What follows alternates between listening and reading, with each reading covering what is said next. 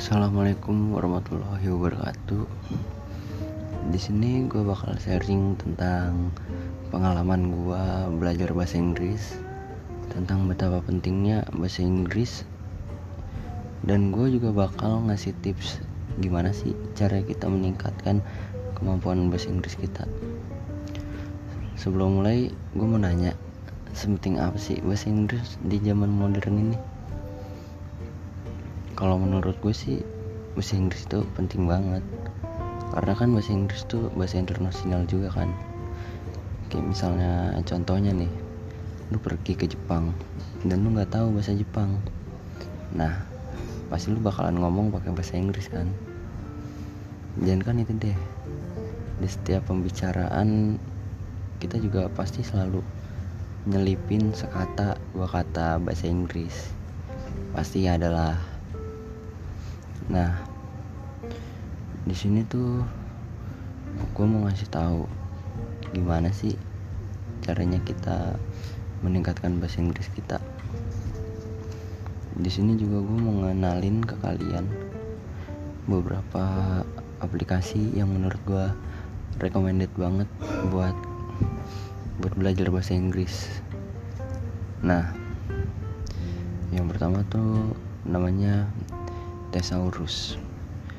Kalau menurut pengalaman gue make aplikasi ini tuh dia lebih ngasih tahu kita ke arah sinonim antonim gitulah. Yang menurut kita kosa katanya asing lah didengar di kuping. Kalau yang selanjutnya tuh kalian pasti tahu lah kamus bahasa Inggris Indo ataupun sebaliknya. Yang kalau dibilang sih sama aja kayak Google Translate.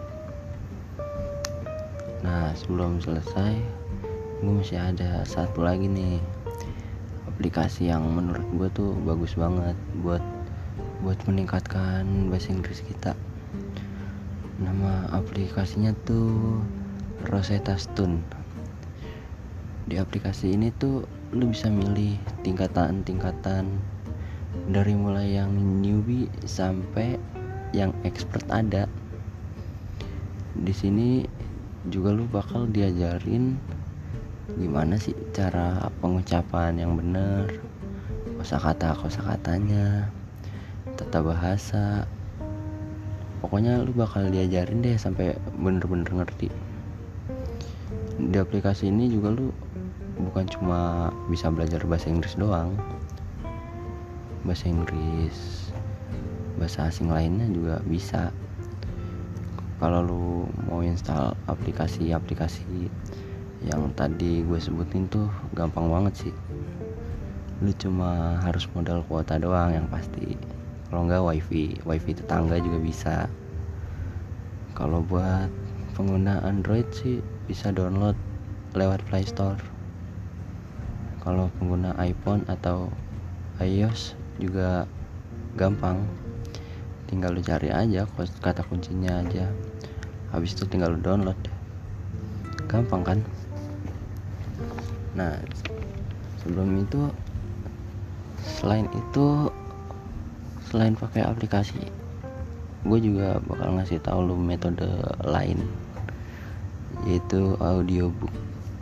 Kayak metode lain yang pernah gue dengerin tuh contohnya Jane Eyre.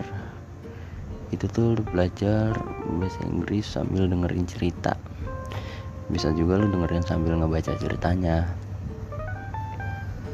Kalau lu masih mau nyobain metode lain gue masih ada satu metode lagi nih yaitu sleep learning.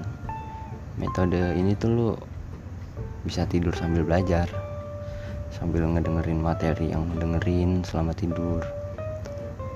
Tapi jangan lupa di metode ini tuh lu harus pakai earphone headset atau sejenisnya lah.